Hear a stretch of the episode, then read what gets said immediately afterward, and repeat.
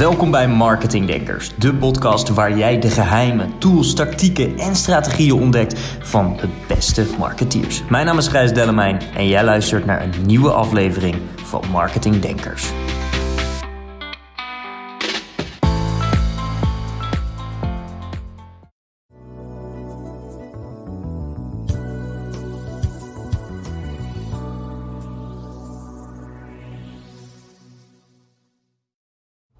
Dames en heren, het moment is daar hoor. Hij is terug. Tim Zuidgeest van Unravel Research.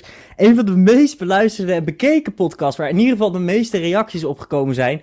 Hoe je nou meer conversie gaat krijgen door neuromarketing. Tim, wat goed dat je er bent. Wat een uh, introductie weer, Gijs. Ik voel me helemaal weer. Leuk, dankjewel. Ja, wat leuk, leuk, leuk dat je tijd vrij kon maken om, uh, om hierbij te zijn. Uh, we gaan het vandaag onder andere hebben over marketing, uh, sorry, de, de, de fundamentals van heel marketing die je een tijdje geleden gedaan hebben. En iets heel tofs waar jullie, waar jullie binnenkort mee gaan komen. En waar vandaag of gisteren een hele belangrijke mail voor uitgegaan is, maar daar laten we verder over. Hoe is het met jullie? Want jullie hebben natuurlijk ook een hele mooie, mooie, mooie dingen de laatste tijd gedaan. Kan je wat meer vertellen over waar je de, tijd, de afgelopen tijd mee bezig bent geweest? Ja, ja, tuurlijk. Ehm, nou, kijk, eh, het is niet onbekend natuurlijk voor iedereen. Um, de, ja, de crisis uh, raakt ook ons natuurlijk. Maar zoals um, onze business coach ook zei van, ja, weet je, never waste a good crisis. En uh, zo zijn we ook echt de eerste weken erin gegaan van, joh jongens, er zijn dingen die we niet meer kunnen doen. We kunnen geen onderzoek doen. Laten we ons focussen op wat we wel kunnen doen. en dat was voor ons dus ja, eigenlijk weer iets wat heel erg bij ons kernprincipe hoort. We geloven namelijk eventjes, uh, wat hier op de muur straks hangt, dat gaan we ophangen, is van onderbuik naar onderbouwd. Uh, oftewel, um, we willen mensen eigenlijk gewoon um, fact-based kennis bijbrengen. Uh, mm-hmm. Nou, dat kon eventjes niet meer door het doen van goed onderzoek, neuromarktonderzoek, ja. maar wel door het mensen leren. Dus ja, we hebben dus onze Academy, die al stond, maar ja, dat was nog een zijprojectje, zou je kunnen zeggen. Ja. Hebben we uitgebreid. En um, zijn we volop aan de slag gegaan. Dus ik heb mijn training uh, neergezet in een hele korte tijd, maar met allemaal collega's. Um, nu ben ik dus bezig met een nieuwe training. Mijn andere collega is halverwege zijn training uh, alweer daarin. En mijn andere collega, Diede, die gaat uh, ook een nieuwe training maken. Dus dat is wel echt heel vet. Ja, wat gaaf, wat een mooie ontwikkelingen. Want even voor de mensen die de vorige podcast nog niet gezien hebben, was nummer 4 van Marketingdenkers. Die, um, kan je wat meer vertellen over hetgeen wat jullie bij Unravel doen en hoe jullie bedrijven nou van dat onderbuik naar onderbouwd helpen? Ja, ja. Uh, ja, dus uh, ik ben dus Tim. Ik ben een van de medeoprichters van, uh, van Unravel inderdaad. Uh, en wij zijn, het is bijna al tien jaar geleden, is gestart samen met Tom, mijn compagnon. Ik was een beetje gek, collega-compagnon. um, echt als, met als doel om um, meer feitelijkheden eigenlijk de wereld in te brengen. Ik zou bijna kunnen zeggen um, dat dat het soort met core fundamentals uh, was. Maar ja. uh, hoe we dat eigenlijk toen zeiden, is dat wij goede marketing en communicatie nog effectiever willen maken door middel van psychologie en uh, hersenwetenschappen. En mm. dat, dat ja, vat het eigenlijk wel samen, omdat um, neuromarketing, als je daar echt naar kijkt, gebruik maken van uh, kennis die we hebben over hoe mensen beslissingen maken, over hoe dingen landen in het brein. Um, dat pas je eigenlijk toe op dingen die al relatief goed zijn. Um, mm-hmm. Om even een voorbeeld te geven, een van die dingen, dit is eentje die misschien ondertussen al een klein beetje achterhaald is, omdat niemand het meer doet, maar het weglaten van het euroteken, uh, dat helpt bij conversie. Ja. Uh, maar ja, dat is top. Maar stel dat jij een pagina maakt en je zet alleen een prijs neer zonder euroteken überhaupt. Ja, daar moet nog heel wat aan gebeuren voordat het überhaupt duidelijk is dat het een pagina is waarop je iets kan kopen. Laat staan dat dat euroteken weglaten dan effect gaat hebben. Ja. Um, maar goed, dus dat is wel heel uh, mooi, want dat betekent dat wij dus mooie dingen, uh, goede merken, nog effectiever kunnen maken. Mm -hmm. uh, dus ja, dat, dat is wat wij eigenlijk met Unravel doen. Dat doen we aan de ene kant uh, met onze studio. Die noemen we dan Studio STNT. Dat is te lang om erover in te gaan. Maar uh, ja. daarmee begonnen we. En dat is echt het uh, AB-testen. Dus um, het toetsen eigenlijk van die kennis specifiek voor een webshop om de omzet te verhogen. En dan moet je denken aan die dingen als het weglaten van het euroteken. Maar ook nog specifieke dingen voor zo'n webshop. allemaal om te kijken van, hé, hey, als ik dit verander, zorgt dat nou voor een omzetverbetering? Dus dat is de studio. En dan hebben we uh, Unravel Research, waarmee we dus hersenonderzoek doen. Nou, dat is ja. eigenlijk een beetje de crème de la crème, zou je kunnen zeggen. Want ja, weet je, we kunnen dus in de hersenen kijken en we krijgen er echt hersendata uit. En voor mij is dit al bijna de normaalste zaak van de wereld. Maar heel veel mensen die dat voor het eerst zien, die, ja, die, die, die vinden dat super tof. Eigenlijk net zo enthousiast als ik altijd was toen ik het voor het eerst zag.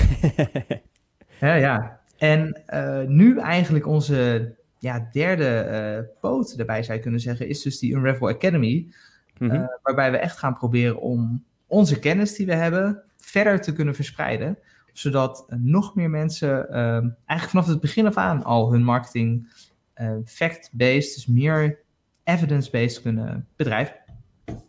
Dus jullie gaan nu de kracht die jullie en alle kennis die jullie van de afgelopen jaren hebben, die gaan jullie nu ook eigenlijk teruggeven aan, aan marketeers, zodat zij zelf daarmee al vanaf dag één bewijzen van mee aan de slag kunnen. Ja, absoluut. Ja, dus je moet echt. Um, het heeft eigenlijk twee, um, twee voordelen inderdaad. Dus aan de ene kant zie je dus dat wij doen onderzoeken. Mm -hmm. uh, daar komen soms dingen in die keer op keer terugkomen. Nou, dat is natuurlijk heel tof om die te kunnen delen, want daar wordt eigenlijk dus iedereen mee uh, gebaat. Um, maar ook als je naar het kijkt, Um, we werken voor klanten als Albert Heijn, voor de Plus, voor Heineken, voor AB InBev. Uh, ja, dat zijn ook wel de, de, de, bedrijven met de grote budgetten. Ja. En um, die kunnen misschien niet altijd, uh, um, of die, die hebben dan wel budget over bepaalde dingen. Ja. Terwijl ja, de MKB, uh, daarvoor kan het soms nog wel wat prijzig zijn, dit soort onderzoek. Ja. En dan is het eigenlijk juist leuk dat we ook hun kunnen helpen door hun eigenlijk informatie te geven via zo'n academy, um, zo'n online cursus. En, uh, en, en, als we nou kijken naar een aantal dingen die jullie gewoon onderzocht hebben. Hè? Want jullie we hebben daar wel eens over gehad. Jullie werken voor hele toffe klant, grote namen. En die kennis ga je nu eigenlijk delen dus. Met, met de rest van de wereld even om plat te zijn. En een van die dingen die ik een tijdje zag. Jullie zijn ook heel actief op LinkedIn. Jij, jij als persoon ook heel, heel erg. Dus op het moment dat mensen je nog niet volgen online. Voeg Tim even toe. Of klik in ieder geval even volgen op LinkedIn. Tim deelt namelijk hele waardevolle uh, blogs ook. Van, je, van, van collega's die schrijven. En jij zelf ook.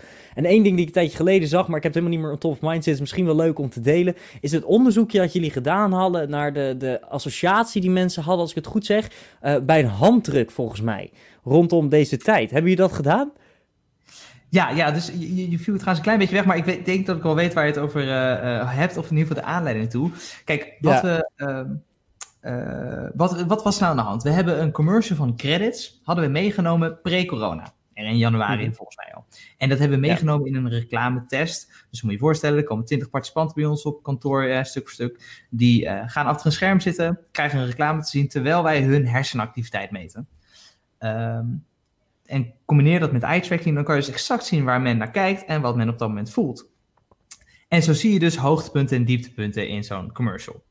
Uh, nou, Eén ding die we daar bijvoorbeeld uit terugzagen, die we ook al vaker terugzien, is dat op het moment dat er, hè, er kwam een gebouw schoof voorbij voor iemands gezicht. Nou, ik, heb net, ik doe dat net met mijn handen. En wat zien we dus in die data? Op het moment dat dat gebeurt en dus het zicht op het gezicht eigenlijk geblokkeerd wordt, zien we een dip in de emotie. En wat ook niet heel gek is, want je ziet iemand opeens niet meer, dus je zicht wordt geblokkeerd. Nou, dat was natuurlijk leuk, maar er zat ook heel specifiek het handen schudden in. Ja. want credits, de sociale kredietverlener, ja. die, um, ja, dat, dat is daar een belangrijk aspect van.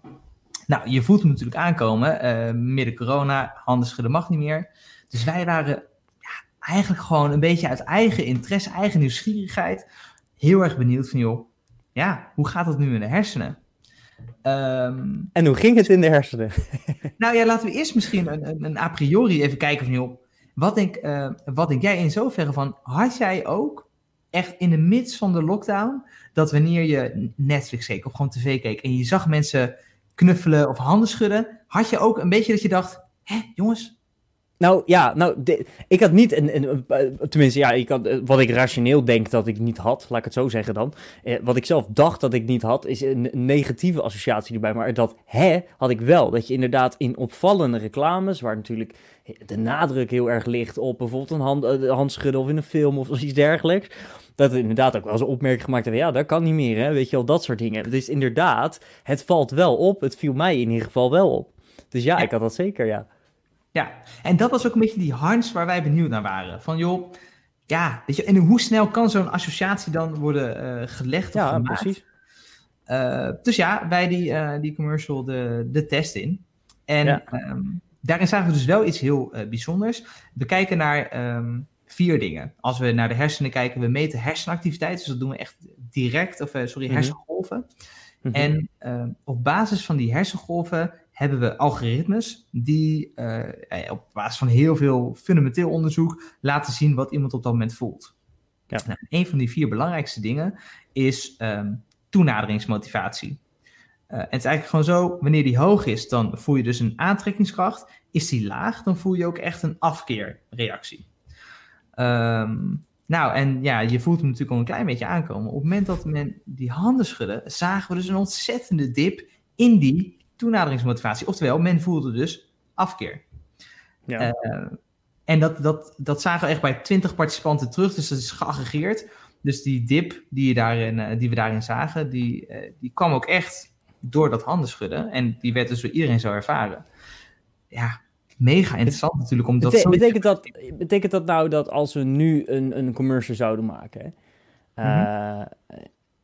is het dan dermate, ja, hoe is dat dermate belangrijk om daar nu rekening mee te houden? Dat je, dat, dat je het misschien nog weg moet laten? Of maakt een dipje niet uit in een hele commercial? Een hele goede vraag die je daarin in stelt. Want het, het is natuurlijk, eh, hè, als mensen die mij volgen op LinkedIn, die kennen me misschien ook nog wel van de hit or miss quiz. Waarin ik Mhm. inderdaad, inderdaad dit soort dingen laat zien. Van is het een hit of is het een miss? Specifiek één eh, scène. En ja, de hamvraag is natuurlijk, ja, maakt of breekt één dip een commercial? Ja. Eh, en het, het, het, het, het antwoord daarin is in principe meer laag, maar, of meer laags, maar eh, het directe antwoord is nee. In principe is één dipje gaat je commercial in principe niet uitmaken. Maar het kan wel. En daarvoor moet ik een klein beetje vertellen eh, wat daar nog achter zit. Ja. Dat is namelijk heel groot onderzoek gedaan door Nielsen. Ehm, Mhm. Nielsen is een heel groot consumenten, eh, ja, een heel, groot onderzoeksbureau wat heel veel doet met verkoopdata. Dus de, de bonnetjesdata van de Albert Heijn, die verkoopt Albert Heijn aan Nielsen.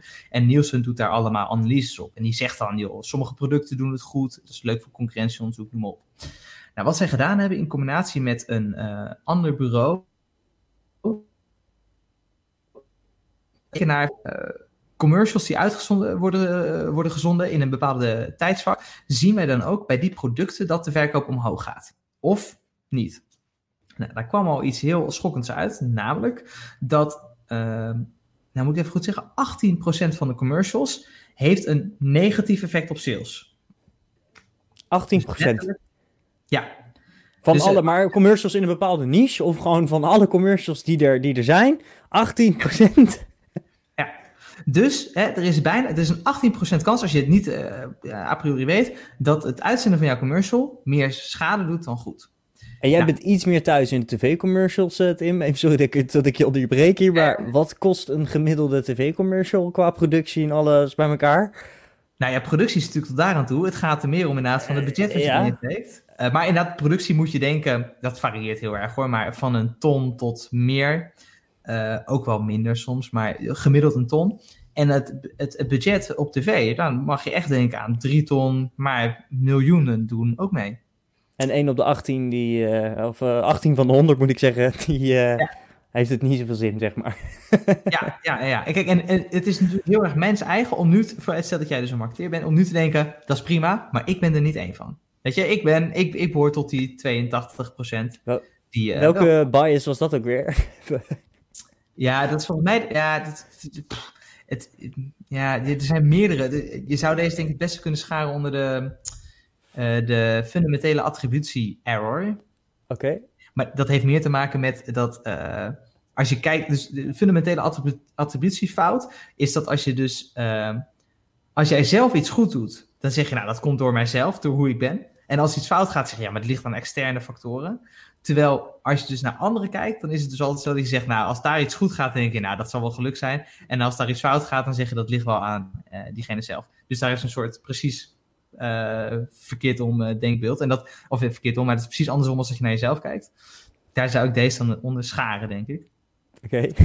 Het is misschien nog wel een hele specifieke hiervoor. ja, er, zijn, er, er is een lijst van honderd van dit soort biases en die ken ik niet allemaal bij naam. Toch niet? Uh, oh. Nee, ja, ik heb wel een poster hangen hier hoor, dus ik kan er wel op. Ik weet het, ja, ik weet het. Oh, je hebt het gezien, ja. Um, ja, dus, maar goed, dus, het, dus um, gemiddeld gezien uh, doen die commercials meer kwaad dan goed. Maar nou komt toch eigenlijk het probleem. Uh, heel veel mensen die dus tv-commercials uitzenden, die hebben niet het voordeel wat wel mensen hebben die online commercials eigenlijk uitzenden. Mm -hmm. jij zal natuurlijk hier ronduit over kunnen meepraten. Via Facebook kan jij exact pinpointen wat het effect geweest is van één video die men heeft gezien in de journey na het kopen. Exact. Uh, dus waarschijnlijk heb jij ook video's waarvan je zegt, ja, die deden het net niet goed. Weet je wel? En dat zegt de data. Ja, en dan zie je ze waarschijnlijk niet nog een keer iets van die, van die type. En als mensen zeggen, jij maakt wel veel dezelfde type video's, dan zou ik graag, graag een wedervraag stellen, waarom denk je dat dat gebeurt? Precies, ja. ja. Oh, Toch? Dat en dat kan je dus heel goed meten. Ja. En dan komt de scenarigheid, en dit noemen ze above the line uh, campagnes. Dus je hebt below the line en above the line. En above the line is eigenlijk uh, uh, snelwegreclame en tv-reclame. En um, omdat je dat naar heel Nederland uitzendt, maar je doet ook nog heel veel andere dingen. Dus je doet bushokjesreclame, ja, de snelwegreclame zoals ik zeg. Um, kan jij niet exact zeggen, mijn commercial die ik uitzende, dat was een hele goede commercial of een hele slechte commercial. Want zoveel andere factoren spelen mee. Ja. Uh, maar als je dus kijkt naar heel veel data, dus heel veel campagnes, dan kan je wel zeggen van, hé, hey, ja, ik zie hier, uh, dit, was, dit, dit, moet aan de commercial hebben gelegen, want al het andere bleef gelijk. Nou, dus dat heb je eigenlijk alleen met die grote commercials. Nou, ja. uh, vervolgonderzoek, die liet dus iets heel interessants zien. Het is een klein beetje een lange aanloop uh, trouwens om hier te komen, maar oh, die liet dus zien dat um, als je naar de hersenen kijkt, en dan kijk je weer naar verlangen, en je neemt het gemiddelde van de hele commercial, dan ja. kan je eigenlijk zien dat uh, als je daar een benchmark van maakt, dus als je heel veel verschillende commercials hebt uh, in dezelfde categorie, zeg eventjes uh, zuivel of überhaupt mm -hmm. supermarktproducten, dan maak je een benchmark van. En als je dan, ze zagen dat wanneer een commercial boven de benchmark scoorde, dat die dan ook een positief effect op sales had. En andersom, wanneer die onder de benchmark scoorde, had hij een negatief effect op sales.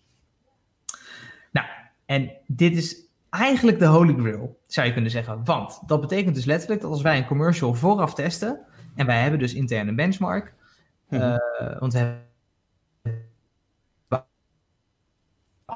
uh, ben je dus kijken van, hey, scoort jouw commercial onder of boven die benchmark? Mm -hmm. uh, en dat is dus op dat verlangen gemiddeld gezien over de hele commercial. Nou, okay. dat is dus een iets lange aanloop om antwoord te geven op de vraag, maakt of breekt één zo'n dipje je commercial? Nou, Kijk je dus naar uh, dat dipje, dan betekent dat dus dat het gemiddelde verlangen door dat dipje iets lager ligt. Oké. Okay. Nou, het is simpel, weet je. Een negatieve emotie zorgt gewoon gemiddeld gezien dat je iets negatiever uh, landt. Um, ja, ik kan me herinneren dat je ook wel zei dat, dat met, met het, sluiten van dingen, gordijnen en deuren, dat je ook wel eens kleine dipjes zag. En dat je daarvan ook een keer zei van oké, okay, maar dat is niet erg over het grote geheel. Dus vandaar ook mijn vraag inderdaad. Van, is dat inderdaad met zo'n... Want ik kan, me in, ik kan mij dus voorstellen dat een, een handschudden in deze tijd meer impact heeft dan een deur die dicht gaat. La, laat ik het zo zeggen, omdat we hiermee... Maar goed, sorry, ik... ik, ik, ik nee, ja, ja, dat is uh, wel wat we zien overigens. Qua, qua negativiteit dat die handenschudden nu inderdaad heel hard binnenkwam. Okay. Uh, en dan zie je dus ook hoe snel zo'n associatie kan worden gebouwd. Dat vind ik ja. dus het meest interessant hier. Um, Goed, dus ja, weet je, uh, grosso modo, als jij al heel erg over de benchmark scoort en één zo'n dipje, maakt niet uit, scoor je op de benchmark één zo'n dipje, ja, het weghalen zorgt ervoor dat jij dus erboven scoort en kan je dus net dat beetje extra geven. Dus dat, het, het kan zeker geen kwaad om dus door je hele commercial te gaan, dit soort dingen eruit te halen.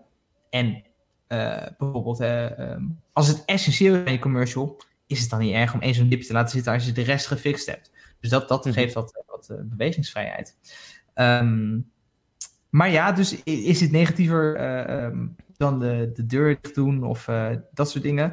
Dat zagen we in dit geval dus wel. Hoewel dat is ja misschien ook wat relatief. Het, het is in dat moment genomen. Ja. Echt, het was echt nou, net uit de lockdown. toen mm-hmm. konden we weer testen, dus vandaar dat we het toen ook gedaan hebben. Ja, misschien dat het nu al wat is afgevlakt je ziet toch dat uh, mensen die staan er, denk ik, voor mijn gevoel ietsie nou, soepeler in dan tijdens de lockdown. Dus dat ga je denk ik ook ja. dan terugzien als je ziet hoe snel dat gevormd is in de hersenen. Nou. Je noemde net iets wat mij triggerde. Hè? Je zei van, uh, jullie werken met een hoop grote partijen, hè? laten we eerlijk zijn. En die doen ook een hoop campagne, die hebben een hoop lopen. Er was er van de week een campagne, gisteren of eergisteren een campagne. En ik, ik, ik zat s'avonds even voor tv en ik krijg ineens reclame in beeld. En smiddags, eerder die dag, had ik een heel, uniek stuk direct mail gekregen, die heel Nederland heeft gehad waarschijnlijk. Um, en dat, dat triggert mij een beetje, omdat jij dat inderdaad zegt wat, wat zie jij dat het, dat het effect is op het moment dat mensen dus dat bundelen? Dus in plaats van van alles wat doen, uh, uh, jullie uh, adviezen meenemen sowieso uiteraard in een, een tv-campagne en dat uiteindelijk ook misschien wel naar direct mail kunnen vertalen om dat samen op te pakken. Heb je misschien daar een voorbeeld van, van, van een, een, een groot drijver van zeggen, oké, okay, die doen dat op deze manier en dat heeft bepaalde resultaten opgeleverd? Poeh, uh, nou, kijk, dus dat het bepaalde resultaten heeft opgeleverd, is het heel lastig om te zeggen, omdat ze geen B-variant testen in de hele wereld. Mm -hmm. um, wat we wel terugzien is. Um, kijk, dan heb je het dus specifiek voor bij ons bijvoorbeeld over. Um, ja, dat je een commercial test en dat je je payoff bijvoorbeeld aanpast in de commercial, maar dan ook in de rest van je communicatie. Ja. En ja, dat gebeurt inderdaad wel. ik, heb, ik kan niet direct eventjes een specifiek voorbeeld geven hoor, maar Um, ja, soms zie je terug. Dat hadden we. Nou, dit, dit is eigenlijk eentje die dus niet getest is. Had wel getest wat kunnen worden. Maar ja, soms loopt dat intern bij zo'n organisatie ook niet helemaal lekker. We zagen ja. bij Vodafone Ziggo heel specifiek dat uh, op het moment dat het woord netwerk in beeld kwam en men het ook zag, dat we echt ontzettende dip zagen. Okay. Um, en en um, dus mijn uh, hypothese was eigenlijk dat men dus in die context netwerk niet per se als positief uh, associëren.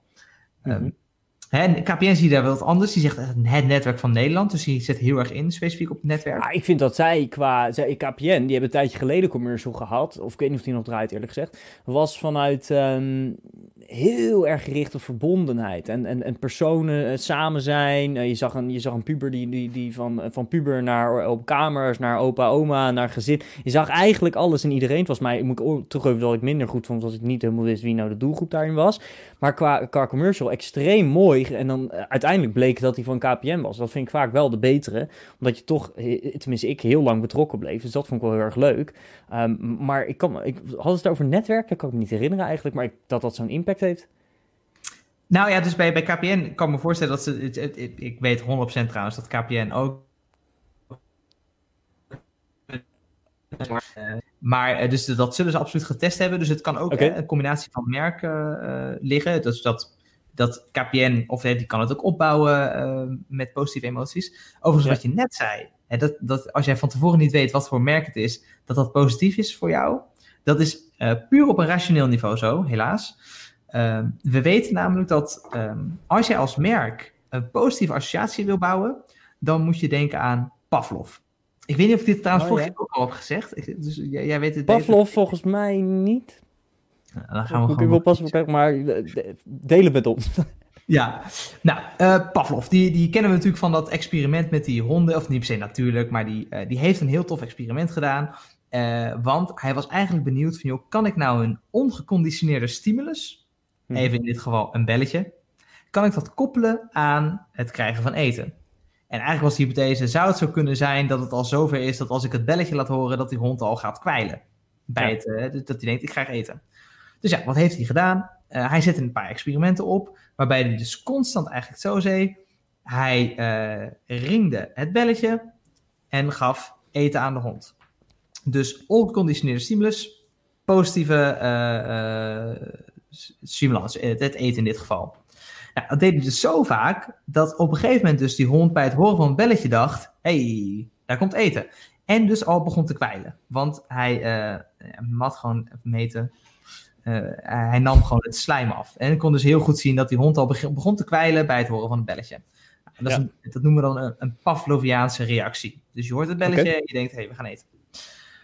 Uh, wat veel mensen niet weten, is dat hij het experiment ook heeft omgedraaid een goed onderzoeker die, uh, die doet dat ook. Uh, want wat heeft hij nou andersom gedaan? Is dat hij eerst het eten gaf, eerst de positieve stimulus. Uh, ja. En toen pas het belletje deed. Okay. Nou, uit dat experiment zag hij dat het effect veel minder sterk was. Dus dat hij, als hij dan het belletje ringde, dat die hond ja, een beetje 50-50 zat van, joh ja, vorige keer kreeg ik eten, maar ik had al eten gehad, dus ja, waar hebben we het over? Ehm, dit is eventjes een soort, uh, alsof de hond dat dacht, hè? laten we wel weten. um, maar, uh, dus de, die volgorde daarin was dus cruciaal. Ja. En dat zien we dus ook terug met commercials. Een commercial kan erg een heel positieve uh, resultant hebben, dus heel positief in het brein landen. Maar ja. als jij wil dat die connectie met jouw merk het sterkste is, dan moet je dus Pavlov erbij halen. Oftewel, eerst jouw merk laten zien, in dit geval is dat het belletje, en daarna die positieve uh, respons, zodat dat dus aan elkaar wordt gekoppeld. En uh, een, goed, een goede commercial, die zorgt ervoor dat je aan het begin in ieder geval um, al qua associatie weet dat het over jou gaat. Uh, en dat hoeft niet per se te zijn hè, dat jij meteen het logo erin plemt en zegt... Uh, kan, dat, kan dat Unox zijn? Deuntje bijvoorbeeld? Zoiets? Ja, perfect. Ja, dat noemen we dan een, een brand asset. Uh, ja. En dit is inderdaad een, een, perfect voorbeeld van een brand asset. Als jij dat... Ja, dat deuntje, dat, laten we heel eerlijk zijn, dat is van onschatbare waarde. Dat is echt belachelijk. Dat is echt, als je dat voor elkaar krijgt als, als merk zijnde, dan heb je toch wel heel goed gedaan, moet ik eerlijk toegeven. Ja, maar nou, komt het nog, hè? Uh, nee, nou ja, niet per se met Unox voor, daar niet van. Maar er zijn dus marketeers die... Kijk, ik, ik denk dat het marketingvak heeft zijn een creatieve, leuke kanten, maar ook ja. zijn hele... gewoon recht toe, recht aan, hele duidelijke kanten. We weten gewoon hoe goed reclame maken gaat, wat de regels zijn ervoor, wat je moet laten zien, noem maar op. Een perfect voorbeeld is eigenlijk ook wel Unox van Unilever in zoverre nu, als je buiten kijkt in de bushokjes, is er heel veel reclame van merken van uh, Unilever. Dus dat mm -hmm. is van, uh, hoe heet die kroephoek uh, gebeuren? Nou, in ieder geval kroephoek. Van Conimax, ja. ja van, ja, je ziet ook van ehm, de, de wasmiddel, dus niet Robijn, maar die ander. Ofwel, nou ja, goed. In ieder geval van Unilever.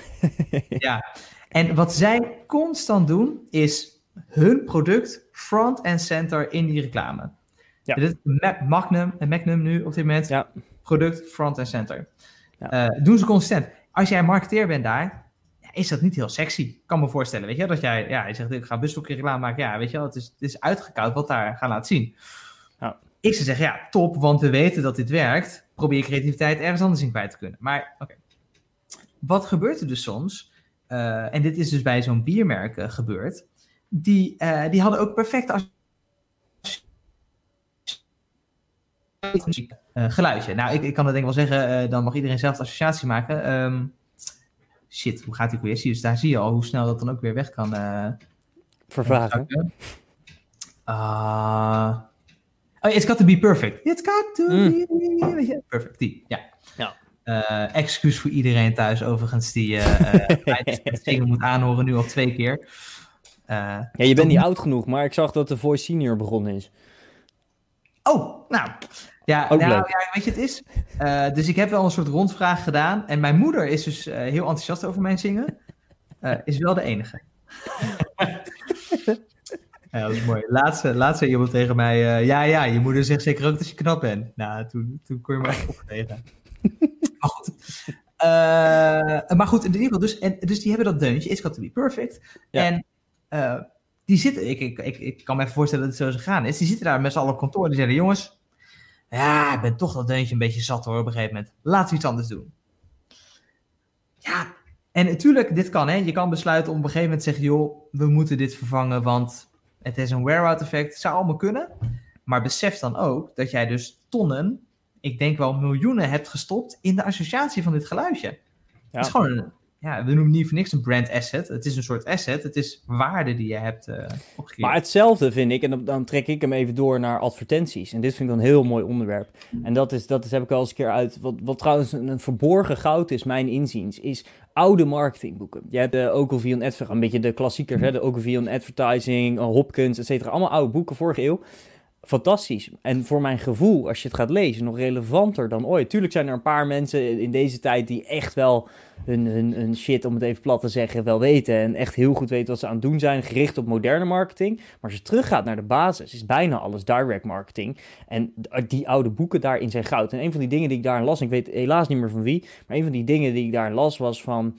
Uh, als jij of je klanten het uh, een advertentie toevinden voor vervang, uh, rijp vinden voor vervanging, moet ik zeggen, dan moet je er nog even drie keer over nadenken en moet je nog langer laten doorlopen. En dat was nog uit een tijdperk dat men het moeilijker kon meten. Niet niet kon meten, maar moeilijker kon meten. Als je nu gaat kijken, we hebben voor sommige klanten advertenties aanstaan die consequent gewoon nog steeds het meeste geld opleveren. En al sinds oktober er niks aan veranderd is. Ondanks dat we gewoon bijna elke week verschillende tests live zetten. Maar gewoon consequent door blijven draaien. Dus je moet gewoon blijven kijken naar wat wel werkt. En ook beseffen, hey, uh, uh, in dit geval een creative op Facebook dan. Een creative, daar heb je ook in geïnvesteerd. Als in een bepaald mensen, ook qua doelgroepen, ook qua dingen, maar ook een bepaald stukje herkenning. Want iemand die voor de twee, drie keer dezelfde foto zit, daar zit ook een bepaalde kracht in. Tenminste, dat is bij ons gewoon uit data gebleken dat daar kracht in zit. Dus dat is, ja, ja ik ja, ben dat helemaal, helemaal met je eens. Zal ik dan een, een leuke vertellen die je eigenlijk dan zou willen testen? en dat zijn minuscule veranderingen in die creative. Dus dan heb je het echt over logo staat eerst linksboven, zetten we nu eens rechtsboven.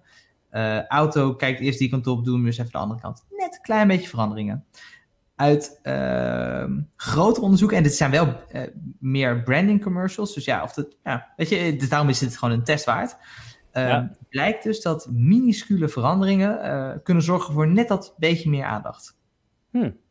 Dus is interessant. Laat me vooral weten, hè, als, dit, als je het test. Even, gewoon een keer, gewoon een keer ga, ik, ga, ik, ga ik een belletje eventjes, gewoon even de image flippen of zo. Ja, ja bijvoorbeeld. Ja, ja, ja, ja, ja. Oké, ik schrijf hem op. Image flip. Leuk. Gewoon doen. Hey, de, de Academy, hè, waar we, waar we eigenlijk eh, stiekem mee begonnen. De Academy. Ja. Wat, wat ga ik daar in marketeer, als marketeer wel allemaal niet in leren? Ja, ja dus, dus we hebben een, een soort wel een groter masterplan eigenlijk met de Academy. Um, En dat is dat we alle onderwerpen willen uh, um, aanraken, zou je kunnen zeggen, die van toepassing zijn als je het hebt over consumenten en uh, wat ze kopen. Eigenlijk, ja. Zo, zo, zo, ja. Als je in aanraking komt met de consument. Um, dus dat is niet voor iedereen natuurlijk altijd alles uh, relevant. Maar de eerste training die al live stond, was dus bijvoorbeeld over uh, reclames. Dus hoe werkt reclame in het brein? Nou, dat is dus de mhm. reclametraining uh, van online gekomen. Vervolgens, uh, dus de volgende training die live kwam, was dus de Neuromarketing Fundamentals. Dus... Hoeveel mensen hebben daar meegedaan? Want we hebben echt een enorme bus hebben jullie op, uh, op social uh, gecreëerd. En voor mij bij een aantal vrienden van mij, die hebben mij later nog gebericht. En, en die, dit is echt waar. Ik kreeg, dit is echt toen jullie die eerste uh, week zeg maar online hadden staan. Toen kreeg ik van drie mensen sms'jes van... Wow, wat heb ik hier allemaal geleerd. Echt heel tof. Dus ik ben heel nieuwsgierig. Wat, wat heb je daar mensen allemaal in geleerd, joh? Wat vet. Nou, dat vind ik wel heel tof om, om te horen. Dit... dit uh, en ik, ik, hoop altijd dat ik hierdoor niet door uh, naast mijn schoenen uh, ga lopen. Maar ik krijg dus soms wel vaker dat ik dus via, via, via hoor zo van... Oh ja, ja die gast had trouwens ook zo'n pdf van je gedownload. En mega tof. En die krijgen we hier op school ook en zo. En nou, vind ik echt... Dat, ja, daar, daar, daar krijg ik dus heel veel energie van. want ja, daar doe je toch een beetje voor.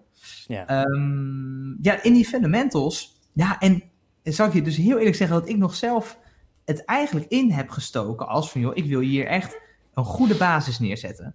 Ja. Uh, uiteraard wel met uh, toevoeging van uh, waardevolle kennis. Mm-hmm. dus ik heb een soort combi gedaan. wat ik eigenlijk wilde doen is mensen vertellen wat neuromarketing nu echt is. En dan heb ik het even specifiek over neuromarketing onderzoek. Je hebt ook nog de toegepaste vorm van neuromarketing. Um, en dat zijn eigenlijk inzichten toepassen die uit onderzoek komen.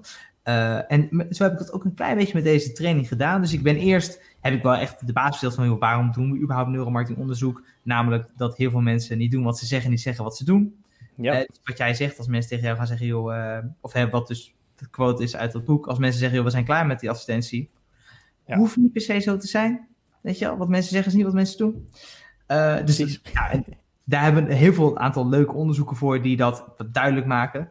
Ehm, vervolgens gaan we eigenlijk per onderwerp op in waar mensen uh, eigenlijk mee in, in contact komen uh, met de onderzoeksvorm. Waarin ik gewoon heel simpel uitleg van, nou ja, uh, je wil bijvoorbeeld die reclame onderzoeken. Hoe ziet goed reclameonderzoek eruit?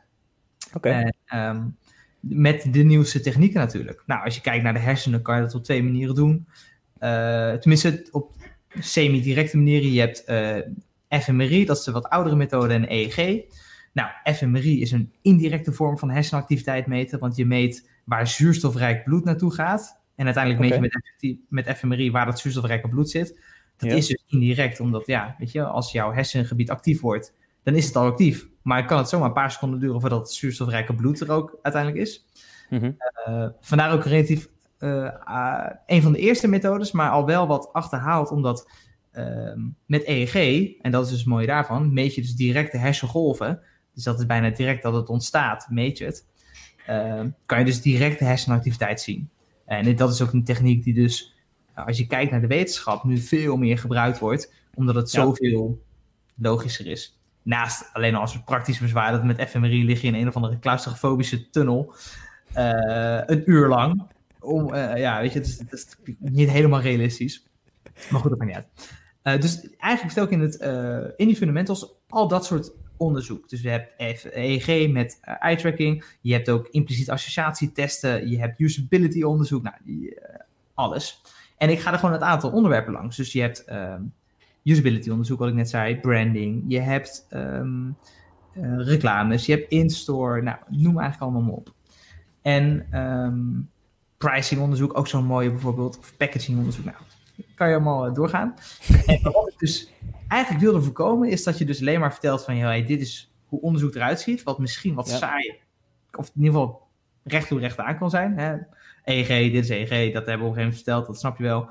Eh, dit is eye tracking en je hebt zoveel man nodig. Dus per onderwerp heb ik ook nog de vijf inzichten gedaan die wat mij betreft eigenlijk voor dat onderwerp eh, uit onderzoek kwamen en ook super tof zijn om eh, te weten. Mhm.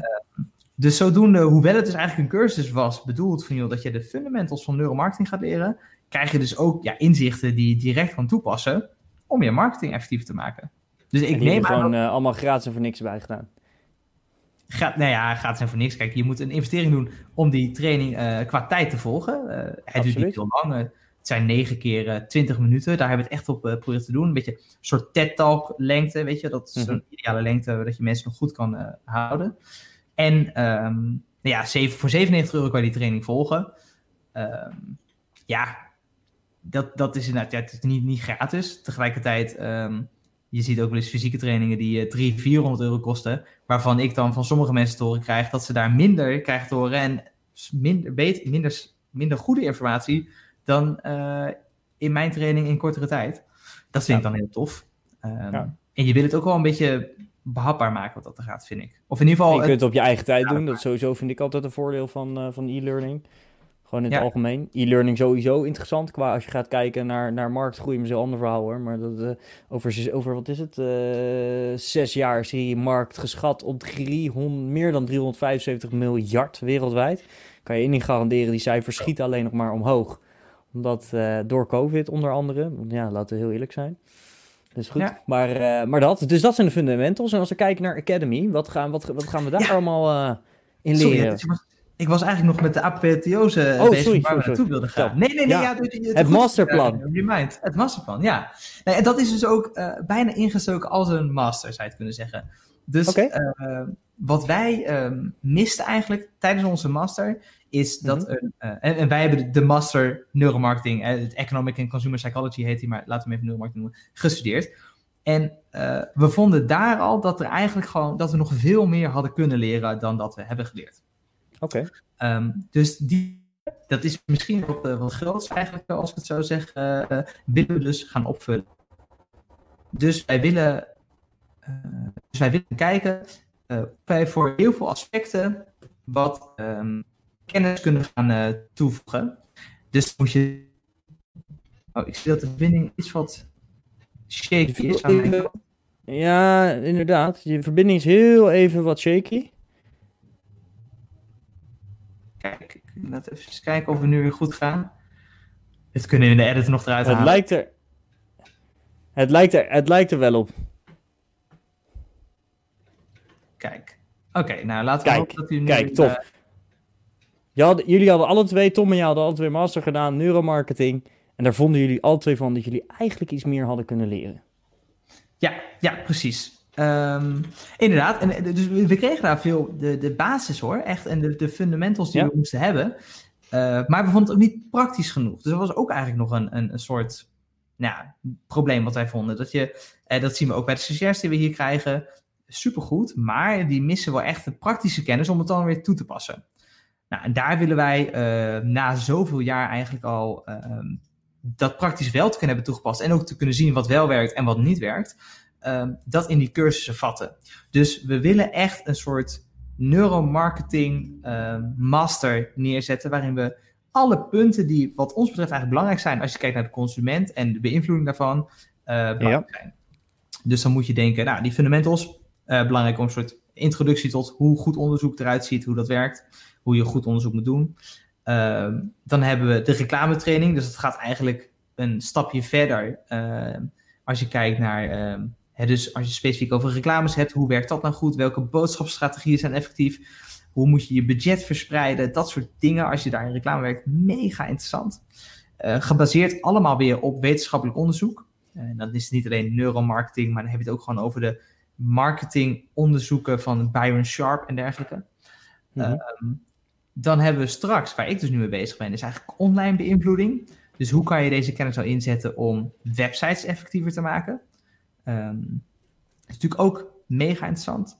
Mijn collega Diede is bezig met het, uh, een copywriting cursus. Dus ja, persuasive copywriting, zoals wij het dan uh, noemen. Um, gaat dan iets ja, ik, denk, ik, denk, ik denk dat dat sowieso een, echt een onderschat iets is hoor. Laat ik daar even uh, ja, absoluut. Ik ben de afgelopen maanden, en dat is wel leuk dat je dit noemt, afgelopen maanden ben ik zelf echt elk boek aan het verslinden dat ik over copywriting kan vinden. En hoe ouder, hoe beter. Uh, uh, want als ik ze nu nog kan krijgen, dan betekent dat er iets goed aan het boek was, denk ik altijd maar.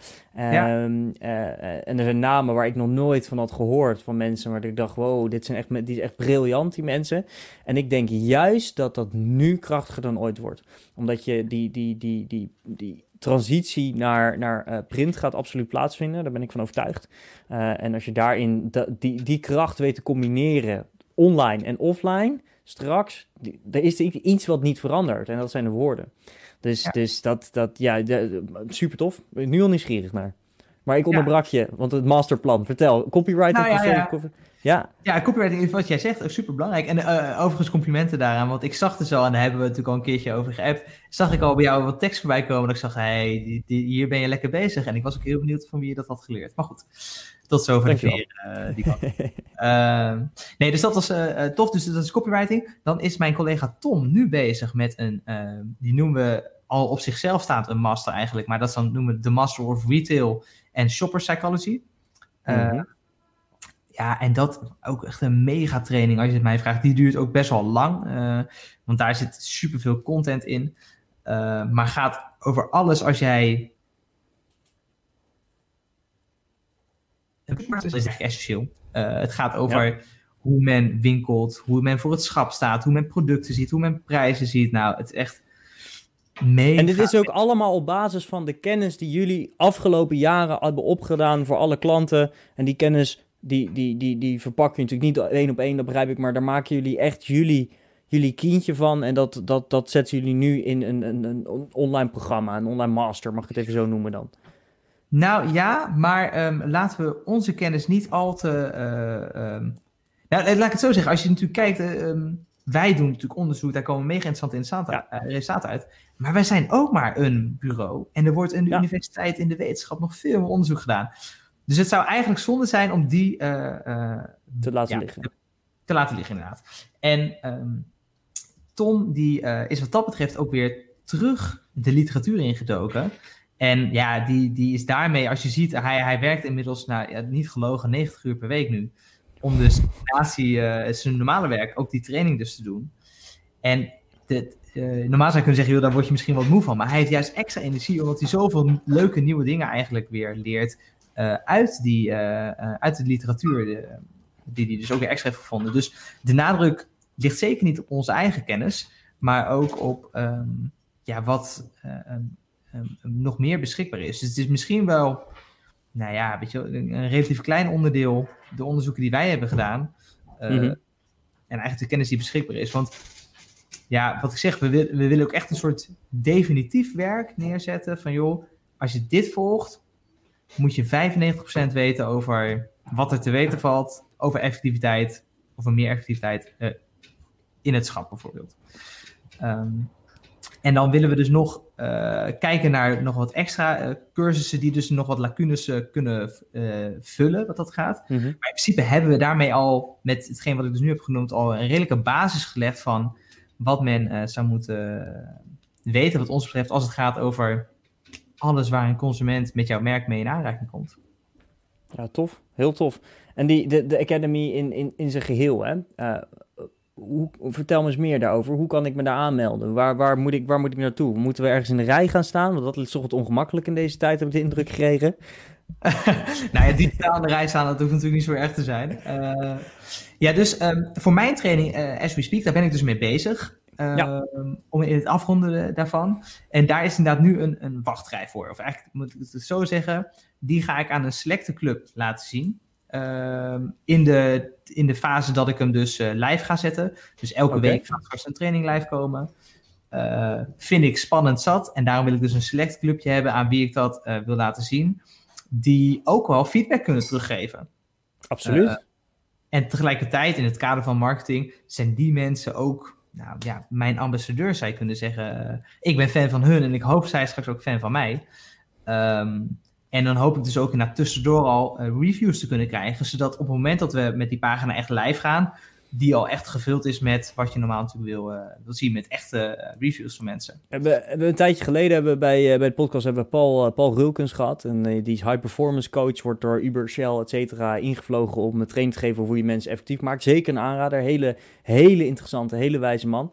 En die zei, die vroeg ik hem ook van hoe, hoe, kijkt u nou aan tegen het verkopen van iets? Ik, ik, wil niet zeggen dat, je, dat dat jouw intentie is, maar het verkopen van iets voordat je het hebt. Want dat is natuurlijk wel een bekend concept in marketing. En die zei, dat is eigenlijk het slimste wat je uh, natuurlijk gewoon kan doen. Even gechargeerd dit. Uh, wat, wat, hij zei, je kan niet iets verkopen dat je nog niet hebt. En dat zorgde voor mij een beetje ruis. Dat ik dacht, hè, wat bedoel je daarmee? Zei hij, zei, als jij het in je hoofd hebt zitten en je weet dat je het binnen x periode af kan hebben, dan is het, uh, dan is het ethisch. Heb je dat niet en weet je dat er de tijd, uh, dat je het niet binnen x tijd zou hebben, dan is het niet ethisch en kan je dat niet doen. Maar het is onmogelijk om iets te verkopen wat je, wat je, uh, hoe heet het, je kan, het is, het verkopen van iets wat je nog niet hebt, dat kan niet, want jij, jij, jij, het zit al in je hoofd. Je moet alleen nog eruit halen.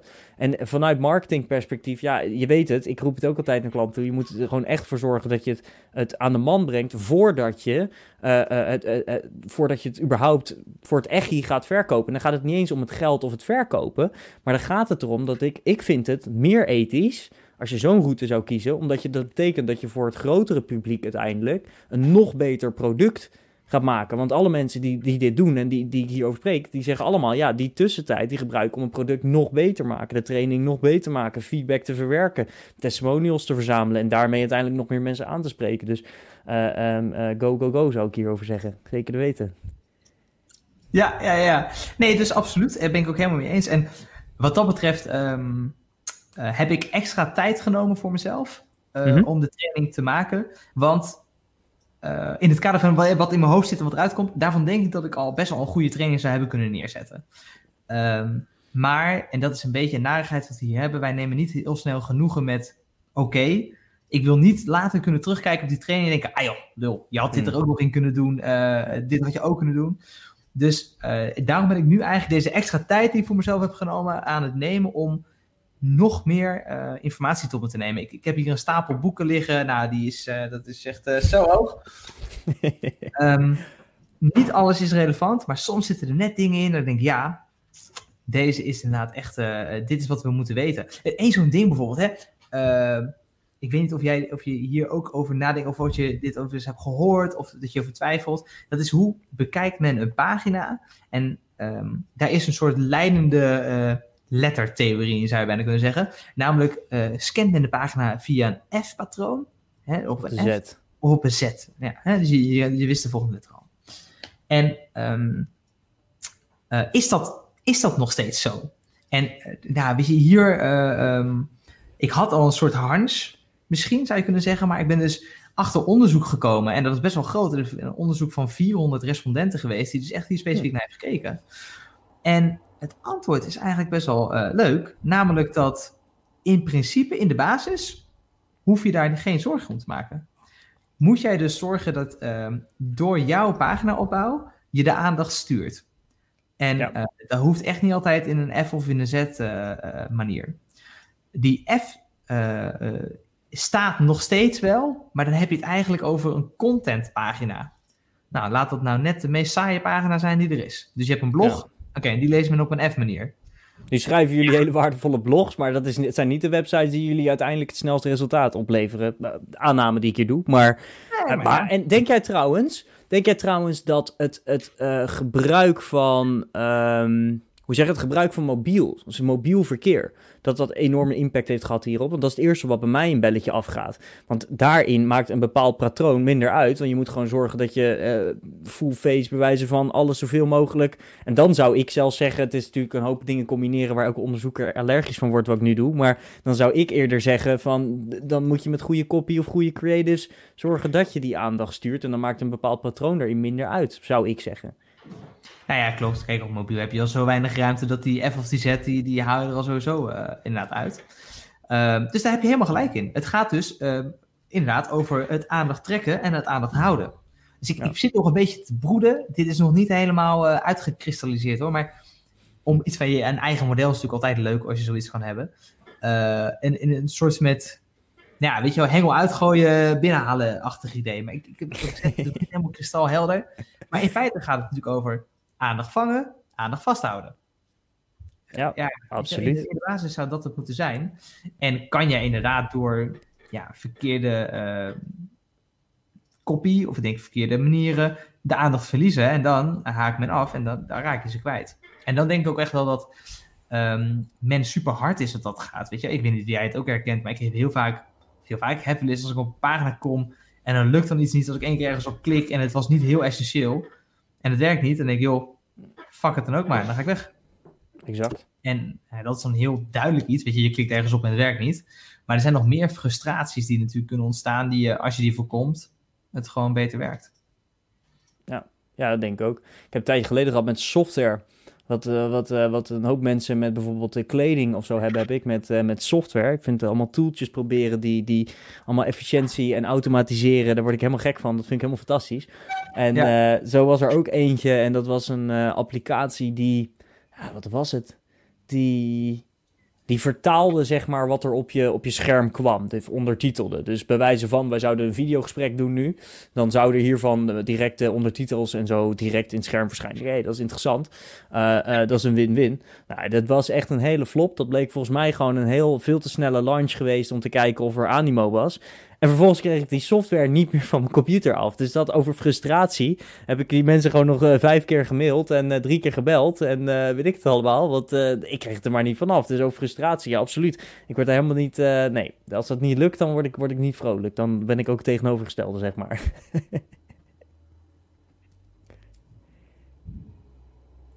Sorry, je viel precies even weg.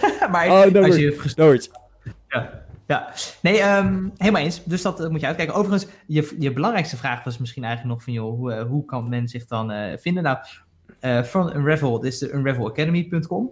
Ja? Nu eh, ben ik dus met die invite-only bezig. Mhm. Het is nog een beetje een verborgen URL. Dus misschien kunnen we die verborgen URL in de show notes zetten, ergens, weet ik het wat. Ja, naar gaan we doen. omgaat, dan eh, ga je die nog niet zien.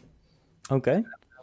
Misschien dat ik hem nog wel live ga zetten, maar soms werkt het ook wel beter als iets wat nog exclusief is. En eh, as we speak staan er al 200 man in de wachtrij en ik heb het gisteren gelanceerd. Dus Oké, eh, ja, ja, ja, ja, ja, ja. Dus dat, eh, dat is... eh, dat is niet niks. Nee, nee, heel vet. Dat is heel tof. Dat is heel erg gaaf. Dus Academy is de volgende stap. En eh, eh, de, de eerstvolgende keer dat, eh, dat, dat wij elkaar spreken, wat is dan jouw eh, big win? Eh, nou, mijn big win zou dan wel zijn dat. eh, kijk, hè, het lanceren van die, eh van die cursus en zo, dat is heel tof, geeft heel veel energie, maar kost ook wel wat energie. Zo. En dan hoop je eigenlijk dat je tot het nieuwe niveau bent, het volgende niveau. En dat zo'n academy eigenlijk op zichzelf draait. En dat ik ook kan verder gaan denken met hoe kan ik nou die mensen meerwaarde bieden? Weet je, bijvoorbeeld het samen laten komen van die mensen, dan wel digitaal, dan wel fysiek. Ehm, want ik geloof dat er heel veel ehm, ja, kruisbestuiving kan zijn. Zeker nu eigenlijk. Ehm, ik, ik, ik spreek soms een aantal klanten, bijvoorbeeld Procter Gamble.